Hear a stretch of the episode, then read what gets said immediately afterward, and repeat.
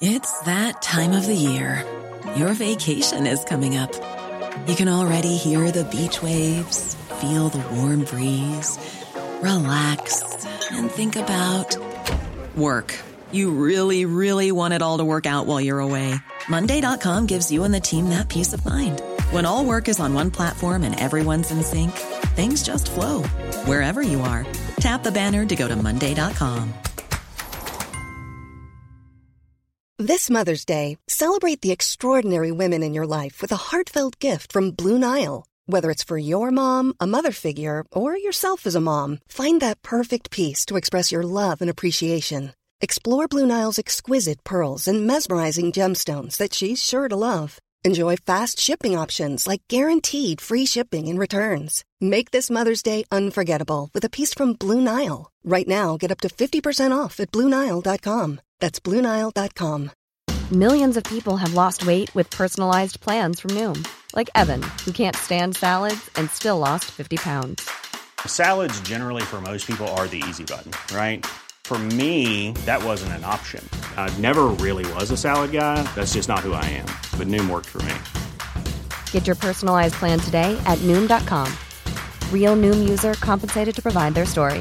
In four weeks, the typical new user can expect to lose one to two pounds per week. Individual results may vary. Denne uken er Tore og Tarjei på besøk i fantastiske Tromsø.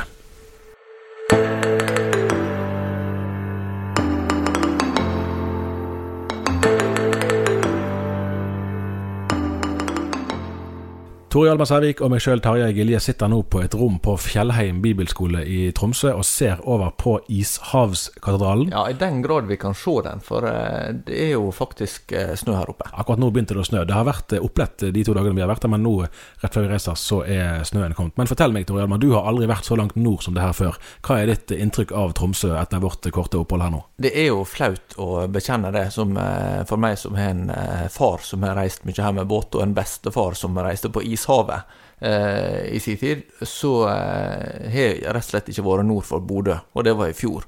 Så Nord-Norge er jo eh, et område jeg kjenner dårlig. Men jeg har hørt en god del om, og syns det har vært interessant å bli litt kjent med. Må jo si innflyginga til Langnes lufthavn, det er nok det mest spektakulære jeg har sett fra et fly. Mm. Så, så, det var jo en veldig god start. Og så har vi hatt to svært interessante dager her, vil jeg si. Enig i det. enig i det. Jeg har jo vært der en del. Jeg har litt familie i Alta, og så var jeg i militæret i Bardufoss, som er et par to og en halv time det vel kjøring herfra. Jeg har vært litt på UiO, altså Ungdom Oppdrag sin base på Borgen. sånn at jeg føler meg litt hjemme i Tromsø. Jeg syns det er veldig Jeg liker godt å være Jeg sier at det gjør godt for den mentale helsen eh, å være her. Det tror jeg er litt med at Nord-Norge eh, appellerer til en, en sinnsro, da som eh, kanskje er litt, lett, litt vanskeligere å få øye på eh, i Bergen og i Oslo og, og, tilsvarende steder. Det er noe med det helt sånn åpenbare i, i de sterke naturkreftene som, som, blir synlige på en annen måte her, at, eh, så hjelper meg til å forstå at eh, ja, verden og livet er, er, mer omfattende enn det jeg er i stand til å, å forklare med all min fornuft, og andre mennesker som er betydelig smartere enn meg, likeså.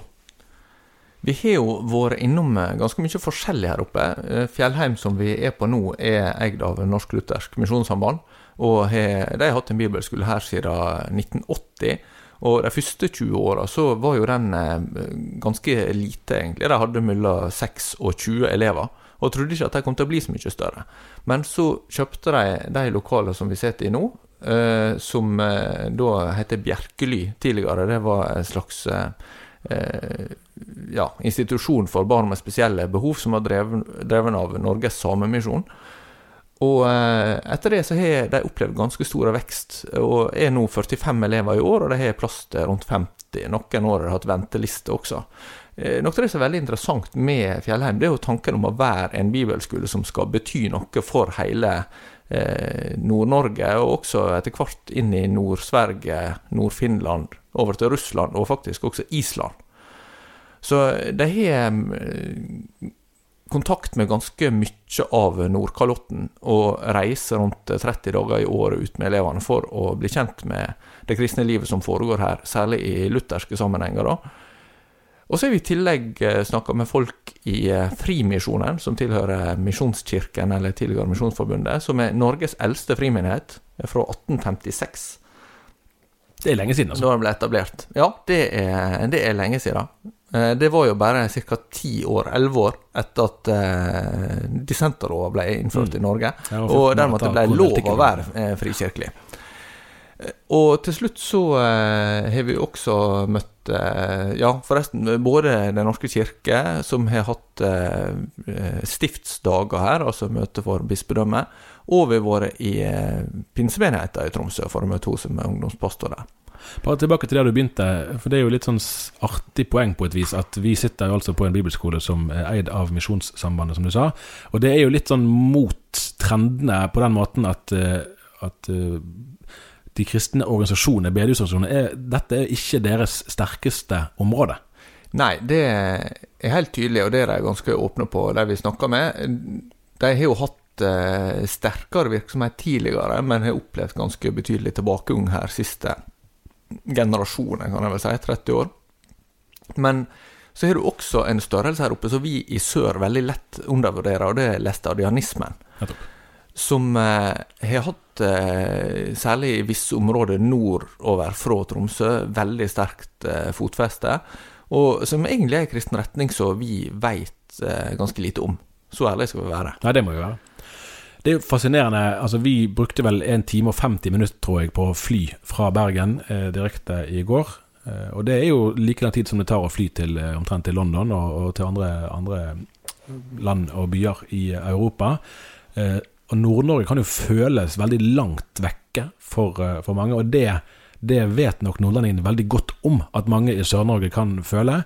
Eh, og dermed syns jeg det er veldig fascinerende, både med kristne, kristne øyne, så å si, men òg helt sånn alminnelig, eh, å prøve å bli litt kjent med, med Lynne her. For det er flere ting som, som er forskjellig i Nord-Norge, men som egentlig ikke er så forskjellig som man kan, kan tro. Én ting er jo, er jo eh, forholdet til det samiske. At det er jo nærværende her på en annen måte enn de fleste i Norge er vant til, selv om det bor vel så mange samer utenfor Tromsø og dette området som, som det er her, men her er det mer konsentrert. Eh, og det er jo, altså Samisk er et språk som er veldig forskjellig fra norsk. Jeg har også begynt å få opp skilt på samisk. eh, Nettopp. nettopp. Eh, og der er jo en øvelse i, i fler, altså flerkulturell sameksistens er ikke noe som har oppstått med, med innvandring de siste ti årene. Det har vært eh, situasjonen. Det har vært normaltilstand her mye lenger enn det. Eh, det finnes eksempler på at Norge har håndtert det veldig dårlig med fornorskningsprosesser. Eh, men det finnes òg mange eksempler på at, eh, at man har klart å leve side om side til tross for sine forskjeller. Og der tror jeg egentlig at mange i Sør-Norge kunne ha en god del å lære av, av den kulturelle utviklingen eh, her. Det er det ene. Og det andre er jo at når avstanden til Sør-Norge kan oppleves lang, eh, altså avstanden til makten kan oppleves lang, så oppstår det gjerne òg et, et fellesskap på tvers av landegrensene. At de som bor eh, kanskje enda mer i Finnmark, sant, inn mot Russland, at, eh, at man kan oppleve et slektskap der på en annen måte enn det vi i Sør-Norge opplever. Dermed så forstår man tilværelsen eh, litt forskjellig, selv om man er norske og har norsk flagg og synger norske sanger og alt dette. Men der, der spiller du også inn at det, det samiske eh, gruppene bor jo i Norge, Sverige, Finland og Russland. Ja, ja. Sånn at det, det, for de som, som identifiserer seg med det, så vil de også ha en tilknytning Mm. som som går på tvers av grensene. Så vi, vi, når, vi, når vi diskuterte i sted hva vi skulle kalle denne episoden for, så foreslo jeg en sånn enkel metafor som var eh, kaldt ute og varmt inne. Og det kan jo appellere til noen fordommer om at det er veldig kaldt i Nord-Norge. Det er ikke så mye kaldere her enn det er verken på Østlandet eller i Trøndelag f.eks., og det er ikke så mye kaldere enn det er hjemme hos meg i Bergen heller. Eh, men, men eh, det er nok noe karakteristisk der i at et værhardt ytre gjør jo noe med hvordan man opplever eh, tilværelsen. Eh, man er mer utsatt på mange måter. Eh, og f.eks. Eh, ungdomspastoren i Philadelphia beskrev jo det eh, tydelig og klart hvordan hun som hadde vært med Hun var fra Sørlandet, er fra Sørlandet og, og har vært med i Philadelphia-kirken i Oslo. Og Der var de veldig mange på leir, og det kunne være vanskelig å huske de ulike navnene. Mens her vet hun hva ungdommene hennes liker å ha på brødskivene. Hva slags sko de går med, hva slags prøve de har neste uke, om de gleder seg eller gruer seg. Varmen i de menneskelige fellesskapene blir kanskje vel så stor. Man kommer hverandre kanskje enda nærmere eh, enn man gjør eh, i klimatiske forhold som kan synes eh, lettere. Og så er det jo også sånn at de driver et eh, ungdomsarbeid som er felles for tre menigheter Mm. i eh, Tromsø, for pinsevennene og for eh, baptistkirka her, og for de, de menigheter tilknyttet Oslo Kristne Senter.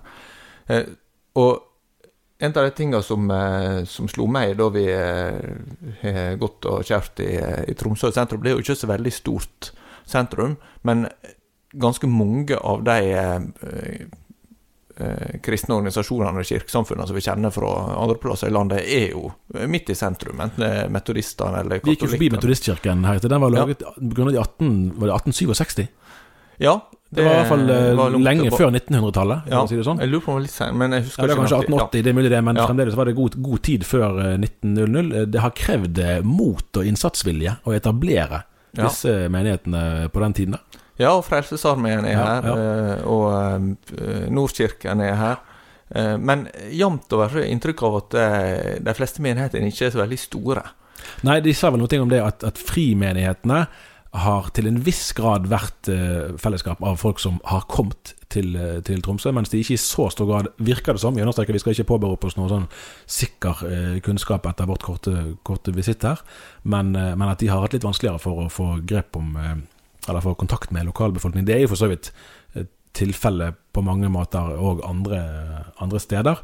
Mens det er vel riktig å si at det er Den norske kirke som særlig har et fotfeste. og, og det viktigste argumentet som blir trukket frem for fortsatt uh, offentlig finansiert uh, Det heter jo ikke statskirke lenger, men det er jo det, uh, finansielt sett fremdeles, er jo nettopp det at Den, at den norske kirke er til stede over hele landet på en måte som ingen andre aktører er. Og det er jo sant i Nord-Norge veldig konkret. Vi møtte også, apropos det, Terje Konradsen, som er tilknyttet Ungdom i oppdrag, har vært her helt siden 70-tallet, på mm. deres base på Borgen i Storfjord. Og han eh, hadde også litt interessante observasjoner om eh, deres rolle i eh, det kristne landskapet i Nord-Norge. Ja, Det er interessant. Det Under oppdrag var jo en bevegelse i begynnelsen som var som ble litt uglesett av det etablerte Kristen-Norge. Jeg husker når de feiret 25-årsjubileet i 1997, så var de fremdeles litt sånn fra bispehold. Ja ja, en av de helt, eh, helt, gode, de der. Eh, det er ikke det så mange som sier lenger, eh, heller ikke på, på landsplan. UiO har etablert seg mange steder. Og her er det interessant å se at det virker som at, at samarbeidet med Den norske kirke har har eh, økt eh, snarere enn avtatt, og i de senere år der de opplever at de faktisk eh, får slippe til, og det blir lagt til rette for dem rundt omkring i forskjellige lokalsamfunn, der, der de, mest, de, har vist at de er langsiktige, at de er seriøse, og ser at de, de møter åpne dører på en måte som man kanskje ikke skulle tro for noen tiår siden. Samtidig så er det heller ikke til å legge skjul på at forholdet mellom eh, både læstarianere og Den norske kirke altså Der de fleste av dem har jo hatt et veldig sterkt forhold til, eh, til kirka tradisjonelt, men også en del av eh, misjonsorganisasjonene og frikirkene er blitt eh, ikke lettere de, de siste åra. Vi var jo også innom eh, Norges Sammisjon, som, eh, som, er en organisasjon som feira 130 år i fjor. Men som nå har kommet til et punkt der de sier at de, de sliter veldig med å få til ei Eh, bærekraftig drift og, og, skal jobbe med deres vei videre. Da. Men der blir også markert veldig tydelig at de tidligere har hatt et tett, langt tettere forhold til kirka enn det som er nå. Det er et interessant utviklingstrekk der. Eh, Jan Arild Holbæk, den mangeårige Vårt som skrev bok om Kirkerådets historie eh, tidligere i år, han poengterer det i, blant annet i den boken at det finnes jo et samisk kirkeråd som har mye til felles i sitt ståsted med, med det rådende kirkemøteflertallet, mens blant den samiske befolkningen, eh, den, altså den, de som da har en aktiv kristen tilknytning, så er det mange som ikke opplever seg representert av dette kirkerådet. Eh, og, og, og mange av disse sammenhengene har hatt en ganske konservativ profil. Noen av de hardeste utfallene mot eh, det som ble flertallsvedtaket på kirkemøtet i 2016 og 2017, kom jo nettopp fra en av de samiske delegatene. Og det er jo litt det vi ser hos flere av disse organisasjonene eh, som ikke helt er innenfor i Den norske kirke, at det, ganske, det har vært ganske konservative, eh, sterke tyngdepunkter. Eh, og det var òg tilfellet hos mange av prestene, og er det for så vidt fremdeles. Mens rundt, altså i Tromsø og rundt her, så har det jo i, altså i din og min levetid vært mer en utvikling eh, i tråd med det som vi har sett i Den norske kirke i, eh, i Sør-Norge. Sånn at det konservative fotfestet er ikke på noen måte like sterkt som det var, selv om biskop Øygar eh, tilhører altså den Jeg vet ikke om jeg skal kalle det for konservative liberale, men i hvert fall den eh, av de som, som eh, ikke har, har ønsket vigsel av likekjønnede. En annen ting som slår meg her i Nord-Norge som er ganske fascinerende for oss som bor lenger sør, det er jo forholdet til avstander. Selv om en vet at Nord-Norge er stort, så syns jeg det, det, er litt interessant å høre om folk som tenker at det å kjøre fem-seks timer på et dagsbesøk, det er jo helt overkommelig. ja, ja det der. Jeg, konen min og meg var på besøk hos noen andre her i, i, fjor på, på, inne på, på, Borgen, på den unge oppdragsbase som er sånn knappe halvannen time å kjøre fra Tromsø. Og da svarte de, vi spurte det samme, da, da var det tre timer hver vei. Ja. Det var det som maks for dagsbesøk. Her var det noen som var litt ivrigere, som kunne reise både fire og fem timer. Men det var hvis de ikke skulle på jobb, da. At de ja. kunne bruke dagen Eh, men det, sånn er det jo litt når, når man, eh, det er lenger mellom eh, stedene. Så, så, er man gjerne villig til å bruke mer tid på å reise fordi man setter pris på det menneskelige fellesskapet. Det er noe, noe fint i det der. sant? Ja, At det betyr det også, noe å treffe folk også noe som eh, flere av de vi snakker med, setter ord på, at når fellesskapet er mindre, så blir hver enkelt mer lagt merke til. Akkurat, akkurat. Eh, og at eh, om en eh, er vekk, så, så, vil noen lure på ja, hvor er hun eller han eh, i dag, og hvorfor jeg ikke har vært her. Ja. Og det, for noen kan jo det bli, eh, bli, for tett, kanskje, men for mange så er jo nettopp det å oppleve at den betyr noe, at den blir sett og lagt merke til, noe som en savner i kristne fellesskap. Nettopp. nettopp. Det var en av, en av veteranene vi møtte der i, i Frimisjonen, en eldre dame som, som står som en sånn erkeeksempel på sånn virkelig en flott ildsjel som, som, har lagt ned betydelig innsats i menighetssammenheng, og som nok har måttet tåle en del skuffelser eh, sånt, over, over eh, at ting ikke var like lett som, som, det kanskje kunne vært, og som det ville vært om hun bodde på Flekkerøya f.eks. Eh, men, eh, men, som likevel har holdt ut, og som har denne, veldig, en utpreget varm eh, personlighet. Og som òg fortalte at òg i hennes egen generasjon så har tromsøværingene gjerne et annet og litt mer åpent forhold til sin egen barnetro. I Mange steder er jo det noe som, som voksne folk særlig har, men det er, litt, det er noe av det mest private å sette ord på. Mens her opplevde man at det var, at det var lettere å snakke om det. Ok, da er resten av denne episoden viet eh, intervju med Nord-Hålogaland biskop Olav Øygard.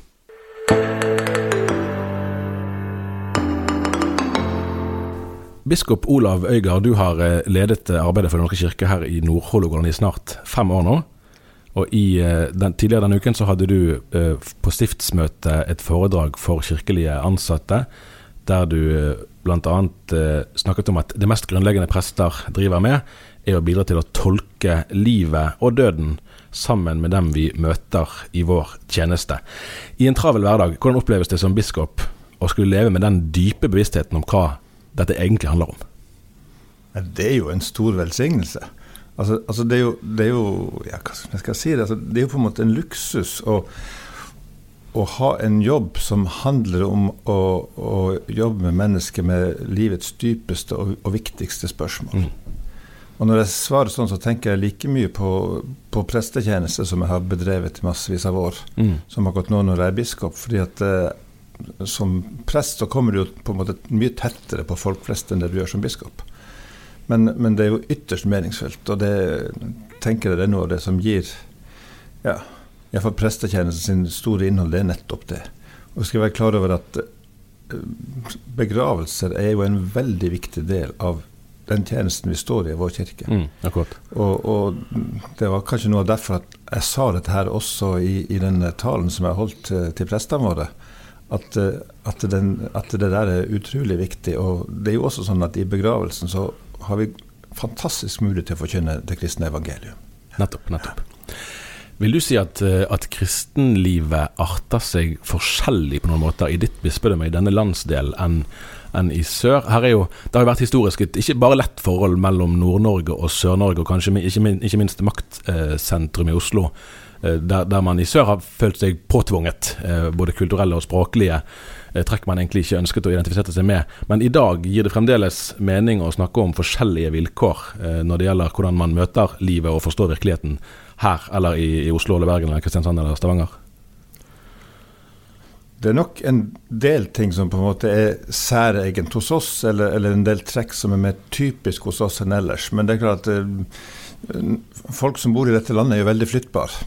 Mm. Så, så, uh, så, det bor jo mange uh, det, det, bor jo mange i vår landsdel som kommer sørfra. Vi har selvfølgelig masse impulser sørfra. Men, men, vi har jo noen tradisjoner som på en måte står veldig sterkt her. altså I kirkelig sammenheng og kristen sammenheng har vi den estedianske tradisjonen som iallfall i en del områder står veldig sterkt fortsatt. Mm. Og på den annen side så er de kristelige organisasjonene, hvis du sier det sånn veldig sånn lett overfladisk, så, så, er de forholdsvis svakere representert hos oss enn mm. ellers i, i landet. Og, så, så, det er iallfall noen, noen forskjeller. Så, så har vi den kulturelle miksen hos oss eh, altså det som iallfall jeg av og til lurer på om det er ja, mange av de som bor eh, rundt der dagen blir utgitt, altså på Vestlandet og kanskje Sørlandet, som har tenkt eller trodd eller iallfall ønsker at Norge skal være monokulturell, at vi er liksom én kultur i dette landet vårt. Og den snakker kanskje nynorsk. Så, så er det så klart at det, at det er helt feil, iallfall i vår landsdel. Og det har det vært lenge? Ja, det har det vært lenge. Og det har jo vært gjort fra norske myndigheters iherdige forsøk på å behandle Nord-Norge og hele landet som om vi var monokulturelle. Mm. Jeg tenker på det som vi kaller for fornorskingen. Så, som som i dag nok må kunne anses som et politisk alvorlig feilskjær. Ja. Og som vi prøver på mange måter å rette opp etter nå. Men eh, det handler selvfølgelig om språk, men det handler også om kulturelle uttrykk ellers. Så, det, så på mange felt er det nok forskjell. Og så er det jo dette her som blir sagt som på folkemunne, at uh, i Nord-Norge så kan du bare stikke innom på besøk, og det gjør du ikke sørpå. Og det, mm, det er fortsatt litt sant, og ikke fullt så sant. En av de vi, ungdomslederne her vi, vi, har snakket med, fortalte når hun kom uh, sørfra og skulle jobbe, så var et av de umiddelbare spørsmålene fra ungdommene hvor lenge blir du? Altså med andre ord at det er en forventning om at ja, det er fint at du kommer fra sør, men du er vel bare her en periode. Uh, hva sier det om uh, Det er jo en sårhet, tenker jeg, i det. Ja, det der er en veldig sårhet. Og, og det, jeg har opplevd det samme også som en gang jeg var på preste, nye sted, der liksom ingen regna med at jeg, jeg, ble så lenge, selv om jeg nå er nordfra og dette her var nordpå. Så, så møtte jeg liksom den hos enkelte iallfall. Og, og, og det der er, er det er også litt leit for de som kommer flyttende hit. Fordi da blir man møtt med en viss reserverthet. Ja, vi gidder ikke involvere oss så veldig med deg. Du blir bare ett eller to år, så drar du sikkert. Riktig. Og så er det jo faktisk sånn at uh, det er ganske mange som blir, og, og, og trives og, og, sånn. Heldigvis er det det. Ja. Til det med, med flerkulturell eh, tilværelse. Eh, under gudstjenesten i, i Domkirken eh, onsdag kveld, da feiret vi jo 20-årsjubileet for Kirkelig utdanningssenter i nord bl.a. Der var det samiske innslaget veldig tydelig. Eh, og, det, og, Du snakker jo sjøl samisk og har god kjennskap til samiske forhold her. Eh, ikke det egentlig naturlig å si at, at nordlendinger i Norge Eh, har ja, kan være veivisere eh, i det å vise at det går fint an å leve, selv om det har vært, eh, ikke alltid har vært like vellykket med fornorskningsprosesser og lignende. Altså at det, å, for det, det samiske språket er jo vi kan, Du og meg snakker ulike dialekter, men vi snakker samme språk. Det samiske språket er jo veldig forskjellig fra norsk, og den samiske kulturen har forskjellige impulser fra, fra andre land og andre, andre områder enn en vårt eget, vår egen nasjon, så å si. Men dette har man jo i mange år nå eh, erfart, at det går an å leve side om side. og at det som som kan virke skummelt eh, i, norske, i, andre norske byer med mange innvandrere fra andre verdensdeler, det er egentlig ikke så forskjellig fra det man har levd med her i lang tid. Det der er, jeg tror det er ganske mye i det der. Altså at uh, Her i nord så er man vant til å leve med flere, flere kulturer, mm. og, og, og, man ser at det går. Og nå skal vi heller ikke glemme um, at uh, altså, vårt bispedømme Nord-Rogaland er jo et grensebispedømme. Mm. Uh, vi grenser jo både til Sverige og Finland og Russland og har selvfølgelig masse forbindelser over der, også kirkelig. Så, og, og eh, hvis du drar lengst øst, altså i, i, i, i Varanger-området, og særlig mm. Sør-Varanger, så er det jo russiske navn på veiskiltene. Og det, Du hører jo russisk overalt. altså, og Det er jo en kjempeviktig forbindelse. Og vi må jo klare at ei grense er jo ikke bare noe som skiller folk fra hverandre, det er også et kontaktpunkt. Akkurat. Eh, jeg var nylig på 150-årsjubileum for kong Oskar 2.s kapell, som ligger helt ytterst øst på, på ja, grensa. Ja, ja. og, og, og, den har jo en veldig sterk historie som kontakt mellom Russland og Norge. Mm. Nettopp. Du sa i foredraget ditt at, eh, at, jobben din er stappfull av høydepunkter. Så er det vel sånn for både prester og biskoper og pastorer og andre med åndelig lederansvar at de blir gjerne sett på som ganske åndelige, spirituelle eh, mennesker, mens de sjøl kanskje opplever at hverdagen egentlig består av ganske mange ja, hverdagslige, praktiske gjøremål.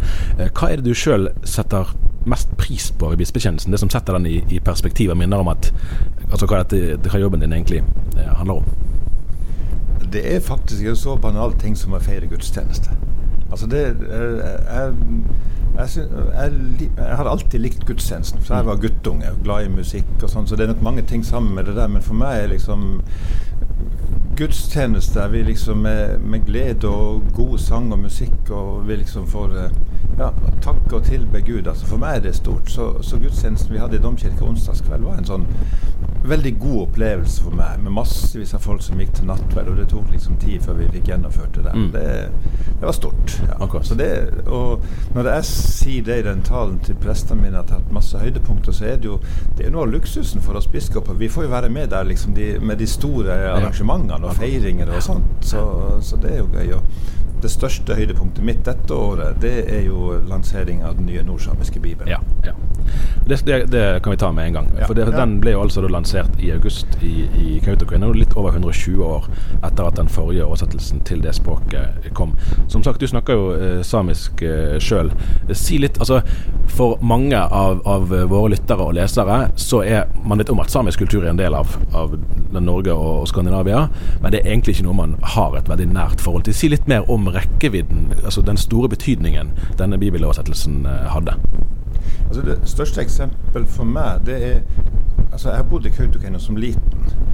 Og da var det sånn og det, det, var altså slutten av 50-tallet og begynnelsen av 60-tallet. Og det var jo i fornorskingens eh, effektive periode. Så da var det sånn at mine samiske venner de syntes, For dem var det status å ha en daja, en norsk, som kamerat. Ja. Så vi snakka jo norsk, vi. Og jeg lærte å banne noen andre ting på samisk. men, men, eh, men ikke, ikke, så veldig mye ellers. Men så jobba jeg som prest der et år, og det er nå 35 eller 36 år siden. Jeg var vikar der et år. Og, og, da tok vi jo frem den bibelen fra 1895, og så skulle jeg ha konfirmantene til å lese Lovet være Gud, vår Herre Jesu Kristi Far, som gjenfødte oss. Og styrer det først Peter 1,3. Og de skjønte det jo ikke. Altså, altså, og det handla jo dels om at uh, rettskriving er endra flere ganger, og så handler det også om at språket er endra. Så, så, de forsto det kort og godt ikke. Og det, det skremte meg litt, altså. At det, her har vi altså en bibel som ikke de kan forstå. Og så gikk det jo noen år, i 98 var det vel, så kom Nytestamentet på samisk, og det var jo en velsignelse. Mm. Men nå er det altså en komplett bibel. Men nå er altså de konfirmantene mine blitt 50 50 år. Ja. Og hvem, altså Hvis noen hadde sagt det til meg når jeg sto og underviser de konfirmantene her Ja, bare vent til dere er 50. Da kan dere få lov til å lese Bibelen på deres eget språk. Altså Vi skulle tro vi var et fattig stam, stamme i Afrika, ja, og ikke i rike Norge. Det er egentlig ganske utrolig. Nå har vi den. Akkurat. Og det, og det sier jo også noe det der om at det samiske språket er i bevegelse. For Det er jo ingen problem for oss å forstå at hvis vi får altså, bibler på bokmål eller nynorsk som er 120 år gamle, så er språket gammeldags fordi det har endret seg. Og så vet jo kanskje ikke alle at det samiske språket òg åpenbart er i utvikling. Slik at sånn man talte på slutten av 1800-tallet, det er ikke lenger slik man kommuniserer med hverandre i dag. Det er helt riktig. Sånn så, er det. Så samiske språket er også i utvikling, og det, og det påvirkes også selvfølgelig utenfra. Så så, så, det er jo sånn, Denne nordsamiske bibelen det er et samarbeidsprosjekt med, med, Sverige og Finland. Og da har vi måttet gå på en del kompromisser, fordi at, mm. uh, at um, man snakker litt forskjellig lander fordi at uh, i, i, samisk i, på norsk side preges, påvirkes litt av norsk, og i Finland av finsk og osv. Ja, ja, akkurat, akkurat. Du snakket òg om rekrutteringsutfordringer mot slutten av, av, eh, foredraget. Den tematikken er jo aktuell i hele landet og i nær sagt i alle kirkelige eh, sammenhenger. Eh, du var ikke minst opptatt av å betone eller å fremme kallsbevissthet. Det er jo observerbart eh, at det er færre som blir teologer, som blir prester i dag enn det var når du eh, studerte. Eh, hva tenker du om årsaksforholdet der? Ja, Det skulle jeg gjerne visst. Altså, det er jo noen ting som vi ser. Altså, jeg studerte midt på 70-tallet. Og da var det veldig stor del av oss som studerte. Vi kom fra, fra de store ungdomsorganisasjonene. Eh, jeg tenker særlig KFKM og laget. Mm. Eh, jeg har en sterk bakgrunn fra laget og også jobba som lagsekretær de første årene jeg var prest. Ja. Og, og, eh, nå er dels organisasjonene svekka og dels har organisasjonene vendt seg andre veier enn til Den norske kirke. Mm. Så, så, så, Den norske kirke har ikke, et, har ikke så stort ungdomsarbeid som altså det, var, det var ikke så stort kristent ungdomsarbeid med nær tilknytning til Den norske kirke. Mm. Det var mye større for 30-40-50 år siden mm. enn det er i dag.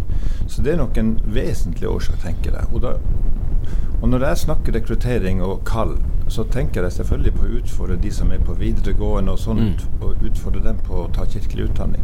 Men det handler faktisk også om et kristent barne- og ungdomsarbeid, helt fra de er knøtte små, altså. Fordi at eh, vi, vi kan ikke kalle til tjeneste folk som ikke vet hvem Jesus er. altså Vi kan ikke kalle til tjeneste folk som ikke er vokst inn i, Mm. i kristentrua. Akkurat. akkurat. Til slutt, eh, Gunnar Staalesen han er jo forfatter fra min eh, hjemby. Han har sagt noe ting som jeg synes er interessant, og som jeg tror kan ha overføringsverdi her. Og det er at Han, han tror at eh, Vestlandet og Sørlandet, og nå var det Vestlandet vi snakket om med han, da, eh, der kristendommen har stått relativt sterkt i norsk historie, at det kunne ha sammenheng med nærheten til naturen, til havet, der man skjønte at dette var det vi levde av, men dette kunne også koste oss livet. At man levde i nærkontakt med naturen. Da. Og det er jo virkelig sant eh, her. Det er jo bare å se rundt oss sant, på det spektakulære fjell og, og fjellformasjoner og alt som er. Og så er samtidig tilfellet at, at været kan bli en trussel. Eh, og da forstår vi som mennesker at det er noen krefter her som vi ikke rår over, og som vi ikke helt får grep om, men som vi må forholde oss til. Eh, hvordan tror du det påvirker nordlendingenes og tromsøværingenes her eh, religiøs religiøsitet? Jeg har hørt noen si at, eh, at ateister finner du bare i de store byene. For når du går ut i naturen i skaperverket, da er det vanskeligere å være ateist. Og det stemmer nok et godt stykke på vei, men det, det er nok litt forenkla å si at det ikke det finnes ateisme hos folk som er glad i fjellet, for det gjør det selvfølgelig. Men, men eh, for min egen del så er det iallfall veldig sterkt sånn at, at det å være ute på tur, altså være i, i naturen i skaperverket, det, det er Det kan ikke høres litt vel vakkert ut å kalle det for en religiøs opplevelse, men det en det har iallfall en sterk åndelig side, det å være ute og oppleve naturen. For, for meg er det, veldig, det er et møte med Gud å være der også. Og, og det der, for meg knyttes det også sammen til eh, med et sterkt engasjement for eh, vern av skaperverket. Der, der vi som samfunn og som kirke er helt bakpå, for å si det veldig pent og forsiktig. Ja, ja, nettopp. nettopp. Takk skal du ha. Ja.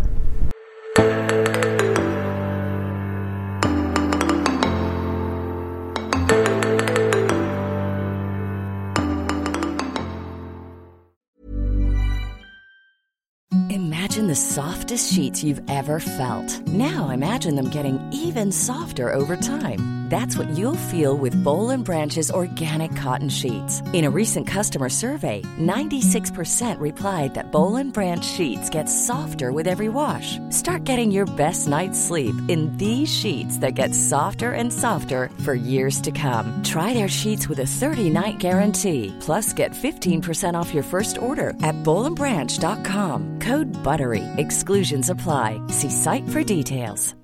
Hi, I'm Daniel, founder of Pretty Litter. Cats and cat owners deserve better than any old fashioned litter. That's why I teamed up with scientists and veterinarians to create Pretty Litter. Its innovative crystal formula has superior odor control and weighs up to 80% less than clay litter. Pretty Litter even monitors health by changing colors to help detect early signs of potential illness. It's the world's smartest kitty litter.